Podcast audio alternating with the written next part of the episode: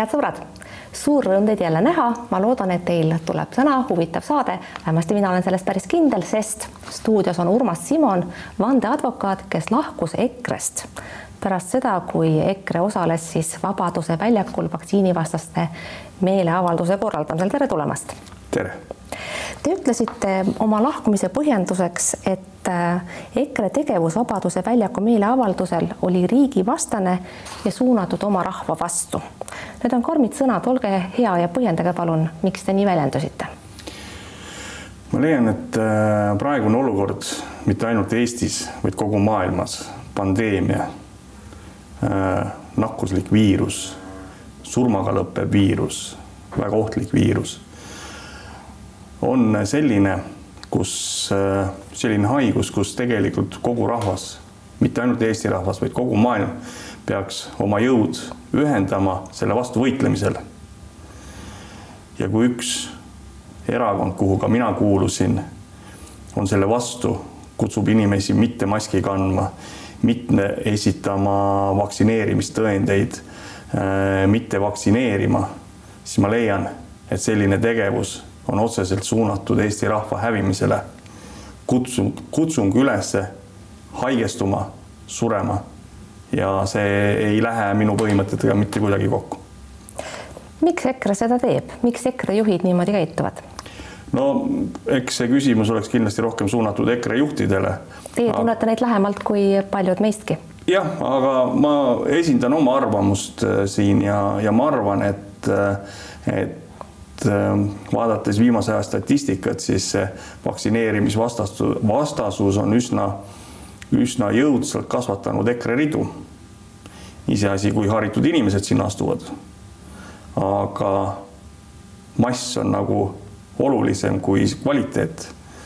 ja, ja ma näen pigem siin seda, et, et kasvatada EKRE ridu, kutsuda erakonna liikmeteks kõiki, kõikvõimalikke inimesi siis see on see üks põhjus, miks seda tehakse. Te ütlesite ka, et EKRE käitumises selle meeleavaldusega seoses on kuriteo tunnused. vandeadvokaadina te kindlasti võite viidata mõnele konkreetsemale seadusepügalale, mis teie sõnu kinnitab no ma kindlasti mingit konkreetset paragrahvi praegu siin välja tooma ei hakka, aga, aga see ongi just see, et kui tegevus on suunatud Eesti rahva vastu, siis ma ütleksin, et, et siin võiksid olla küll kuriteotunnused Te ütlesite ka oma lahkumist põhjendades, et ei mõista enam, mille eest EKRE seisab. kuid äh, oli päev, kui te sellest ilmselt hästi aru saite, see oli siis, kui te sellesse erakonda astusite. kas te palun oleksite nii hea ja läheksite sellesse hetke tagasi, meenutaksite, mis teid sellesse erakonda viis? no kõigepealt mind viiski eestimeelsus Äh, pagulasvastasus, kõik, mis puudutas eestlust, selle eest minu nägemuse mööda EKRE seisis. ja, ja, ja ma tooksin võib-olla lähemast ajaloost näite, et kui EKRE kuulus valitsuse ridadesse, siis oli minu arusaamist ju mööda EKRE üks neid äh, koroonaviiruse vast-, vastasuse või koroonaviiruse vastu võitlejate eesrindlastest. koos Keskerakonna valitsuses olles pandi kinni Saaremaa, pandi kinni kaubanduskeskused, poed, kogu linn, kui keegi veel sellel ajal vanalinnas jalutas, siis võis, võis ainult näha hulkuvaid kasse ja koeri, kui neidki, tuvisid isegi katusel ei olnud, kõik oli kinni. ma olin sellel hetkel tegelikult uhke, et EKRE käitub äh, viirusega võideldes nii otsustavalt, nii enesekindlalt, eeskuju näidates mitte ainult Eesti rahvale, vaid minu meelest ka kogu maailmale, kuidas otsustavalt ja kiiresti tuleb reageerida pandeemia ohule. kõik kinni, keegi ei liigu, keegi, kõik kannavad maski seal, kus on. ma olin tõesti uhke siis EKRE-sse astudes, aga nüüd on EKRE nagu oma otsustest taganenud, nüüd käitutakse vastupidi. ja nagu ma siis kirjutasin, ma ütlesin, ma ei saa aru, mis pidi see tuul puhub. kas see pole iseenesest populistidele tüüpiline toimimise viis, teised äh, sarnased erakonnad maailmas ja nende esindajad toimivad ju samuti, kus tuulselt meel, parasjagu kõneldakse seda, mis tundub kasulik. Nojah, aga ma ei tea, kas see on nii väga meelsus, et tegelikult seda vaktsineerimist ja koroonavastaseid on ju käputäis ja enamus nendest ei ole just kõige kõige kõrgemalt haritud inimesed, nad on maalt, nad on võib-olla rohkem on pensionäre. Ähm, noh, sihukesed inimesed, et ma ei tea, et kas, kas see käputäis on nagu enamus, ma arvan, et Eesti enamus on siiski nõus koroona vastu võitlema. Te ütlesite ka, et see konkreetne meeleavaldus oli viimane tilk nii-öelda teie ja. kannatuste karikasse, kuid karikas hakkas täituma juba varem. kas te oleksite nõus siis meenutama, missugused tilgad langesid sellesse kannatuste karikasse juba varem? noh, nagu ma olen rääkinud ka ennem, et äh, olid mõningad raadiosaatjad, kus äh, sõnakasutus ei olnud võib-olla kõige sob sobilikum äh, ühele erakonna juhtidele. Üks viimaseid asju, mis oli siin Tartus, korraldati Sõidame Eesti vabaks. seda propageerisid ja tolereerisid väga paljud EKRE juhatusse kuuluvad inimesed. mina sellest aru ei saanud, ma ei saa siiamaani aru, et millest Eesti vabaks sõideti, kuhu sõideti vabaks, kes sõitsid või mis selle, mis selle ürituse eesmärk oli aga seda propageeriti kui äh, vaktsineerimis- ja koroonavastast üritust äh, erakonna sees ja, ja selle poolt oldi.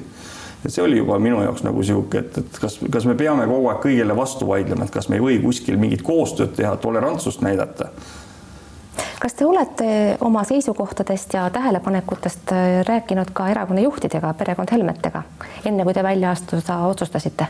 Ma, mul on väga kahju, ma võin ütelda nii palju, et isegi see aeg, kui ma kuulusin veel äh, erastamise raha ja äh, erakondade rahastamise järelevalve komisjoni, juba see aeg ei võetud minu kõnesid vastu ja tagasi helistatud, ehk mul on peaaegu võimatu nendega kontakti saavutada millal teil õnnestus siis viimati erakonna esimehega üldse rääkida, näiteks? ma arvan, et see võis olla kas mingid suve- või talvepäevad. Siis, kui tuleb vasta, siis ütled tere, kuidas läheb, aga ei mingit sihukest sisulist juttu.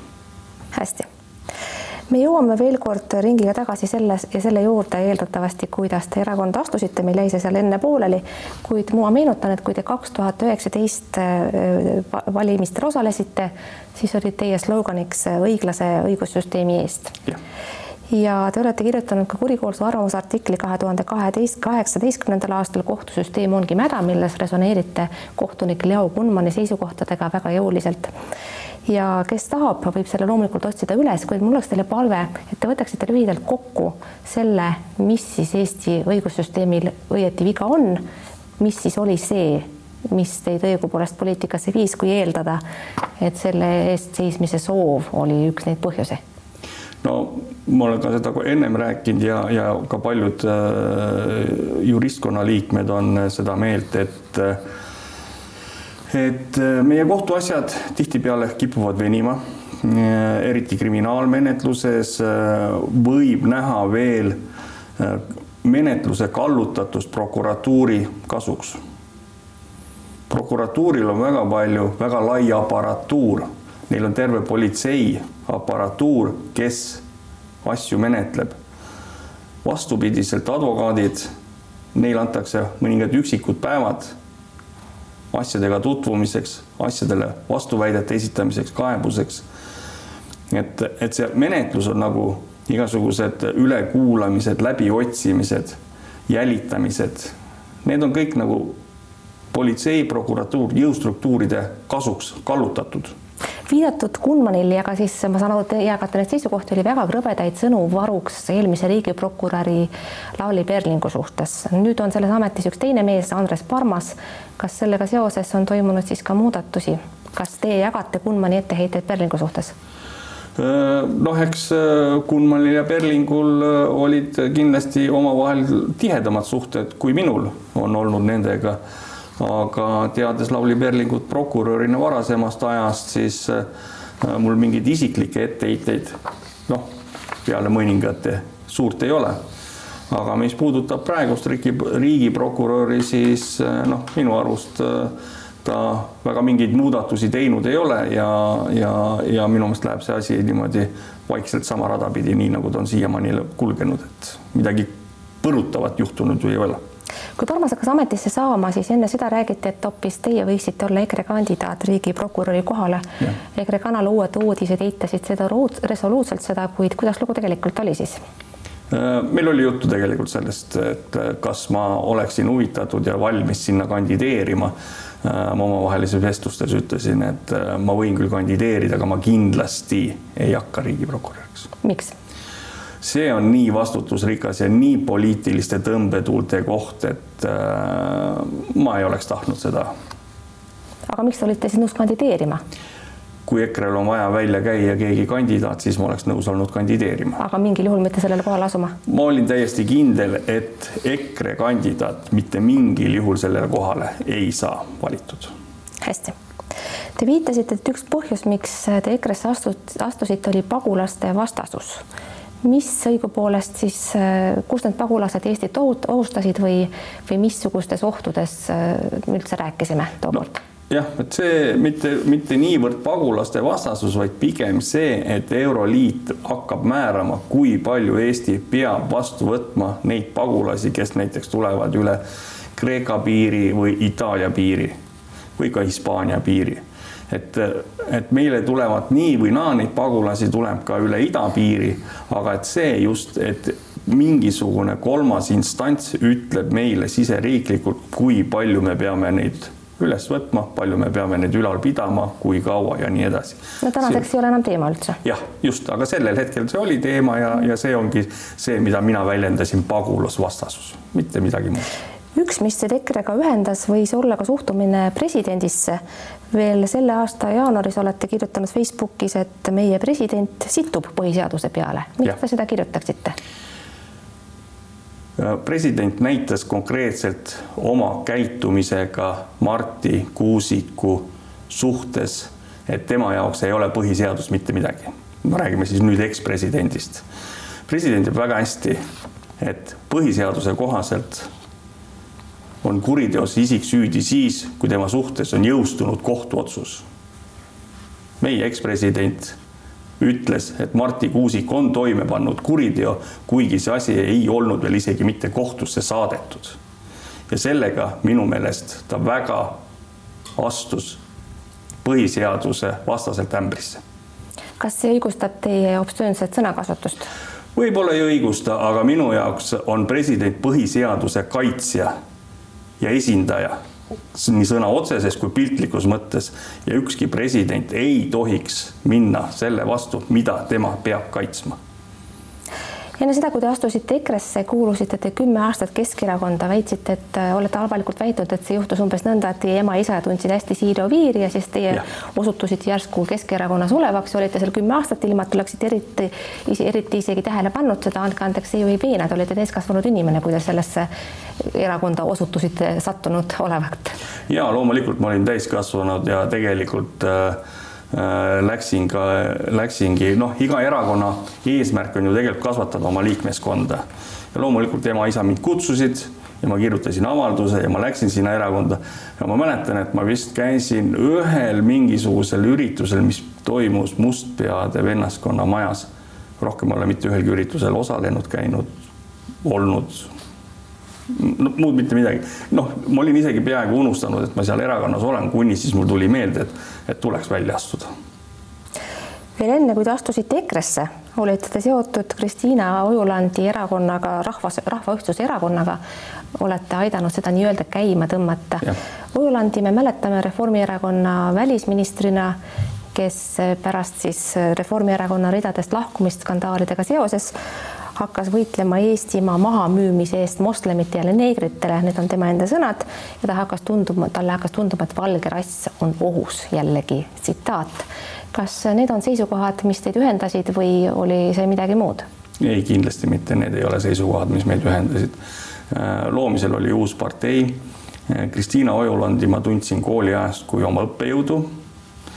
ja, ja juba kooli ajal ma sain temaga väga hästi läbi ja ma helistasin talle ja küsisin, et kas mina kui advokaat saaksin ka uue erakonna loomisel oma õla alla panna. ta oli sellest väga rõõmsalt meelitatud ja loomulikult meie erakonna niisugune töine suhe jätkus äh, peale kooli, siis selle erakonna loomisel. aga äh, minu eesmärk oli lihtsalt luua üks erakond, kes oleks äh, oponent siis praegusele valitsevatele erakondadele, et kindlasti mitte mahamüümine moslemitele, neegritele ei olnud see eesmärk. aga viidatud tsitaadid ja väljendatud seisukohad teid ei häirinud, Ojulandi omad? no igal inimesel on ju oma arvamus ja õigus oma arvamuse avaldamisele, aga kindlasti oleks saanud ka neid poliitilisi nurki lihvida. Urmas Simon, me peame rääkima ühest avalikust ähvardusest, mis on siiamaani internetist leitav ja mille ma, kui lubate, lühidalt loen ette kuulajatele, kes võib-olla ei ole enne saadet seda üles otsinud nagu mina. see on pärit teie Facebookist ja on maha võetud siis hiljem, kuna politsei nõudis selle tegemist. ja see kõlas nõnda. kui sa maski ei kanna, saad füüsiliselt tunda raudtoru sina, kes sa ei soovi kanda avalikes kohtades kaitsemaski või kogu koroonaviiruse olemasolu, nüüdsest nimetan sind terroristiks ja mul oleks hea meel, kui mul oleks luba sulle ka füüsiliselt selgeks teha mõningaid põhitõdesid. kui sa tuled kaubanduskeskusesse ilma maski kandmata, sead sa ohtu nii minu kui ka minu perekonnasõbrad ja tuttavad. viitate turvameestele, kes võiksid siis füüsiliselt nimetatud terroristidele vastu astuda ja nendele turvameestele soovitakse, soovite teie, et oleks üle antud meetrine raudtoru ja õigus seda kasutada. jätkan tsiteerimist. kui koroona sind haiglasse ei vii, küll siis toru seda viga parandab. võin vaid unistada, et saaks ka õiguse toru kasutada, võtaksin kohe kaks tükki mõlemasse kätte. mis teil arus oli, kui te midagi säärast kirjutasite? see oli esimene päev, kui kehtestati maskikohustus kaubanduskeskustes ja siis ma ei mäletagi, kas võib-olla oli ka Delfis, kus levis see videoklipp või kus see levis internetis. kui poodi astuvad kaks meest, ühel on käes telefon ja mask on ees ja teisel ei ole maski ees. ja, ja, ja need mehed provotseerivad turvamehi. üks oli kohe valmis filmima, kes oli maskiga ja teine siis ilma maskita. et tegelikult on see ka praegast ju niimoodi, et turvamees tegelikult täidab käsku seda, mis talle on ette kirjutatud, samamoodi teevad seda kultuurimaja töötajad, poemüüjad. Nemad ei ole seda välja mõtelnud, seda maskikohustust, nemad täidavad seda, mis neile ette öeldakse. samamoodi olid ka turvamehed. samamoodi tegelikult kasutab raudtoru teleskoopnuia, kasutab politsei. teleskoopnui on lihtsalt väikestest torujuppidest kokku pandud umbes meetrine raudtoru ja kui te nüüd sealt hoolikalt luget-, loed, lugesite minu sellest tekstist, siis iga selles lauses oli sees õiguse kasutada. politseile annab see niisuguse õiguse seadus. minu eesmärk seda kirjutades oli, et ka turvameestel oleks õigus peale ainult oma käte ja pipragaasi kasutada mingeid muid erivahendeid just selliste inimeste ohjeldamiseks. Põhimõtteliselt te jääte selle postituse sisu juurde ka praegu ja sooviksite, et turvameestel oleks õigus peksta inimesi toruga, neid inimesi, kes maski ei kanna, kas ma saan õigesti aru? ei, ma ei ole kordagi ütelnud, et turvamehed võiksid peksta inimesi lihtsalt. Neil oleks õigus kasutada erivahendeid enesekaitseks. ka politsei kasutab erivahendeid enesekaitseks ehk siis äh, turvamehed võiksid kasutada seda toru või mis tahes muud erivahendit juhul, kui maskivastased need ründavad. just nimelt, et nad võiksid kasutada kas siis toru või nimetame seda toruks või teleskoopnuiaks või mida iganes, siis kui keegi neid ründab. Nad paluvad ilusti inimestel kas panna maski ette või väljuda, aga nemad, mis nad teevad, nad hakkavad füüsiliselt turvameestele vastu politsei tõlgendas seda igal juhul teisiti, teiega vesteldi, missugusele selle vestluse sisu oli? ma selgitasin väga ilusti, meil oli väga meeldiv vestlus politseiga ja ma selgitasin täpselt samamoodi, et lugege sealt, seal on kogu aeg kirjas, et antaks õigus, õiguse kasutada, õiguse kasutada annab seadus, niikaua kui seaduses seda ei ole, siis loomulikult ei tohi seda teha. See ei ole üleskutse kedagi peksta, kellelegi anda toru valimatult hakata nüüd inimesi tampima maskivastased on teil tugevasti südame peal, sest te olete teinud selle aasta veebruaris Facebooki veebipostituse, mille toon on minu hinnangul noh, vähemasti afektiivne, kui, kui mitte lausa terav või ründav. kui oleks minu teha, annaksin ma loa poodides ilma maskita inimesi mitte teenindada, keskustes turvamehel käsk ilma maskita inimesed minema kihutada, bussijuhile loa ilma maskita sõitjad bussist välja visata ja nii edasi meil on savi, tulgu kes tahab ja tehku mis tahab, ilmselt on riigi poliitika, et mida vähem pensionäre, seda vähem peab pensione maksma, las surevad. jällegi väga ekspressiivne. miks te niimoodi väljendute, teid on väga kerge parasti tõlgendada. ja aga mis olukord meil praegu on? praegust ongi niimoodi ju, et äh, kaubanduskeskusest äh, ilma maskita inimesi ju enam ei lubata, millest ma kirjutasin ju tegelikult juba veebruaris bussides politsei kontrollib, kas käsib maski ette panna või saadab minema. sama, sama olukord, ma lihtsalt ma kirjutasin sellest võib-olla natukene etteruttavalt või, või peaaegu pool aastat varem. aga niisugune olukord juba kipub ka üle maailma tekkima. kes on vaktsineerimata, need kihutatakse töölt minema, palutakse uus koht otsida, meditsiinitöötajad millal varsti jõuame ka õpetajate juurde, ilmselt on see ainult praegu aja küsimus, sellepärast et õpetajaid pole lihtsalt kuskilt võtta isegi vaktsineeritud õpetajad, vaktsineerimata õpetajad. Paljud advokaadid keelduvad kaitsmast pedofiile, kuid teie olete neid kaitsnud ja olete tegelikult väljendanud ka järgmist seisukohta, pedofiilia on haigus teie hinnangul ja lisanud sinna juurde, minu meelest on ka pederastia haigus, see on tsitaat. Yeah selle eest ei panda kinni, aga pedofiilia eest pannakse. tänapäeval ei arva keegi enam või vähemasti edumeelsem ja mõistlikum maailm ei arva, et homoseksuaalsus oleks haigus. kust teie seisukoht pärit on? no ma jään selle seisukoha juurde, sest ma arvan, et see ei ole normaalne inimloomuse osapool Äh, ka loomariigis äh, me ei tea eriti äh, nii-öelda pederastia juhtumeid, sama ma puudutab ka, leian, et inimsugu ei ole võimalik jätkata, kui me kõik oleksime oma soiharjad. ma leian, et see on haigus see on midagi, mida inimene ei saa, orientatsioon, seksuaalset orientatsiooni inimene sündides valida ei saa, see ei ole ka ravitav, kuidas ta siis ikka haigus on? pedofiilia on täpselt samamoodi, ka see ei ole ravitav ja ka see, et inimene ei suuda oma haiguslikku käitumist kontrollida ja, ja seda tänapäeva meditsiini ravi ja, ja, ja, ja kõik, ütleme, niisugused vaimuhaigused, ka skisofreenia on ajas süvenev. inimene ei saa seda valida ja see ei ole ka ravitav. et ma arvan, et need on kõik sellised haigused, mida, mille vastu võib-olla ravi kunagi tulevikus leitakse, aga täna seda ei ole kas võib olla, et viidatud seisukohad lähendasid teid omakorda EKRE-le, kes on teatavasti silma paistnud äh, silmatorkavalt äh, homoseksuaalsete inimeste vastaste hoiakutega? jah, kindlasti. Te olete kaitsnud ka Märt Ringmaad kelle, kelle kohta muide on isegi Vikipeedias artikkel Märt Ringmaa Eesti kurjategija. mitte iga kurjategija ei pälvi sellist artiklit. olete temast kirjutanud soojalt, mäletatavasti olevat ta teile eh, saatnud isegi jõulukaarte ja, ja teid tervitanud soojalt pärast seda, kui ta vanglast välja pääses, polnud tal küll palju eluaastaid jäänud. ma saan aru, et te suhtlesite ka inimlikul tasandil soojalt ja sõbralikult. selle kuulsa pommimehega äh,. jah aga mitte Andrus Värnikuga, kelle, kellele teid kaitsjaks määrati äh, vägivallajuhtumis ja kes äh, isegi vist seda teie, teie võimalikku kaitset ära ei kasutanud? Äh, jah, mul kahjuks ei õnnestunud Andrus Värnikuga enne kohtuistungit kokku saada, ma teda ootasin küll kohtumaja ees, aga ta tuli kuskilt teist kaudu ja, ja mul ei õnnestunud temaga üldse vestelda ja enne, kui me üldse midagi kuhugi jõudsime, siis ta loobus kaitsest ehk minust ma pööra, korraks pööran veel tagasi selle homoseksuaalsuse teema juurde, üks küsimus, mida ta tahaks veel siiski käsitleda selle teema juures. Te olete viidanud ka, et lesbid ja homoseksuaalid, jällegi teie väljendid, ei tohiks töötada perenõustajate ja lastekaitsespetsialistidena. kui neil endal lapsi ei ole ja nad ei tahagi neid saada normaalsel teel kas seegi on veendumus, mille juurde jääte?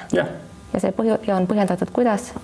Äh, ma ei näe sellist võimalust, et äh, inimene võiks näiteks olla kas lastekaitsja spetsialist või anda äh, lastega peredele nõu, kui tal endal lapsi ei ole, ta ei ole läbi elanud kogemust sünnitusmajas, ta ei ole läbi elanud kogemust lapse sünnitamisel ja lapse nullist kasvatamisel et äh, millist nõu ta saab anda, kui tal endal niisugused kogemused puuduvad. minu teada on, on teil väike poeg, kas mul on õigus? no ma ei ütleks, et ta nüüd väga väike on, kakskümmend kolm. okei okay. siis mu andmed ei ole päris täpsed, aga teil on poeg. kui tema peaks tulema ühel päeval teie juurde ja ütlema, et isa, ma armastan teist meest, mis te talle vastate?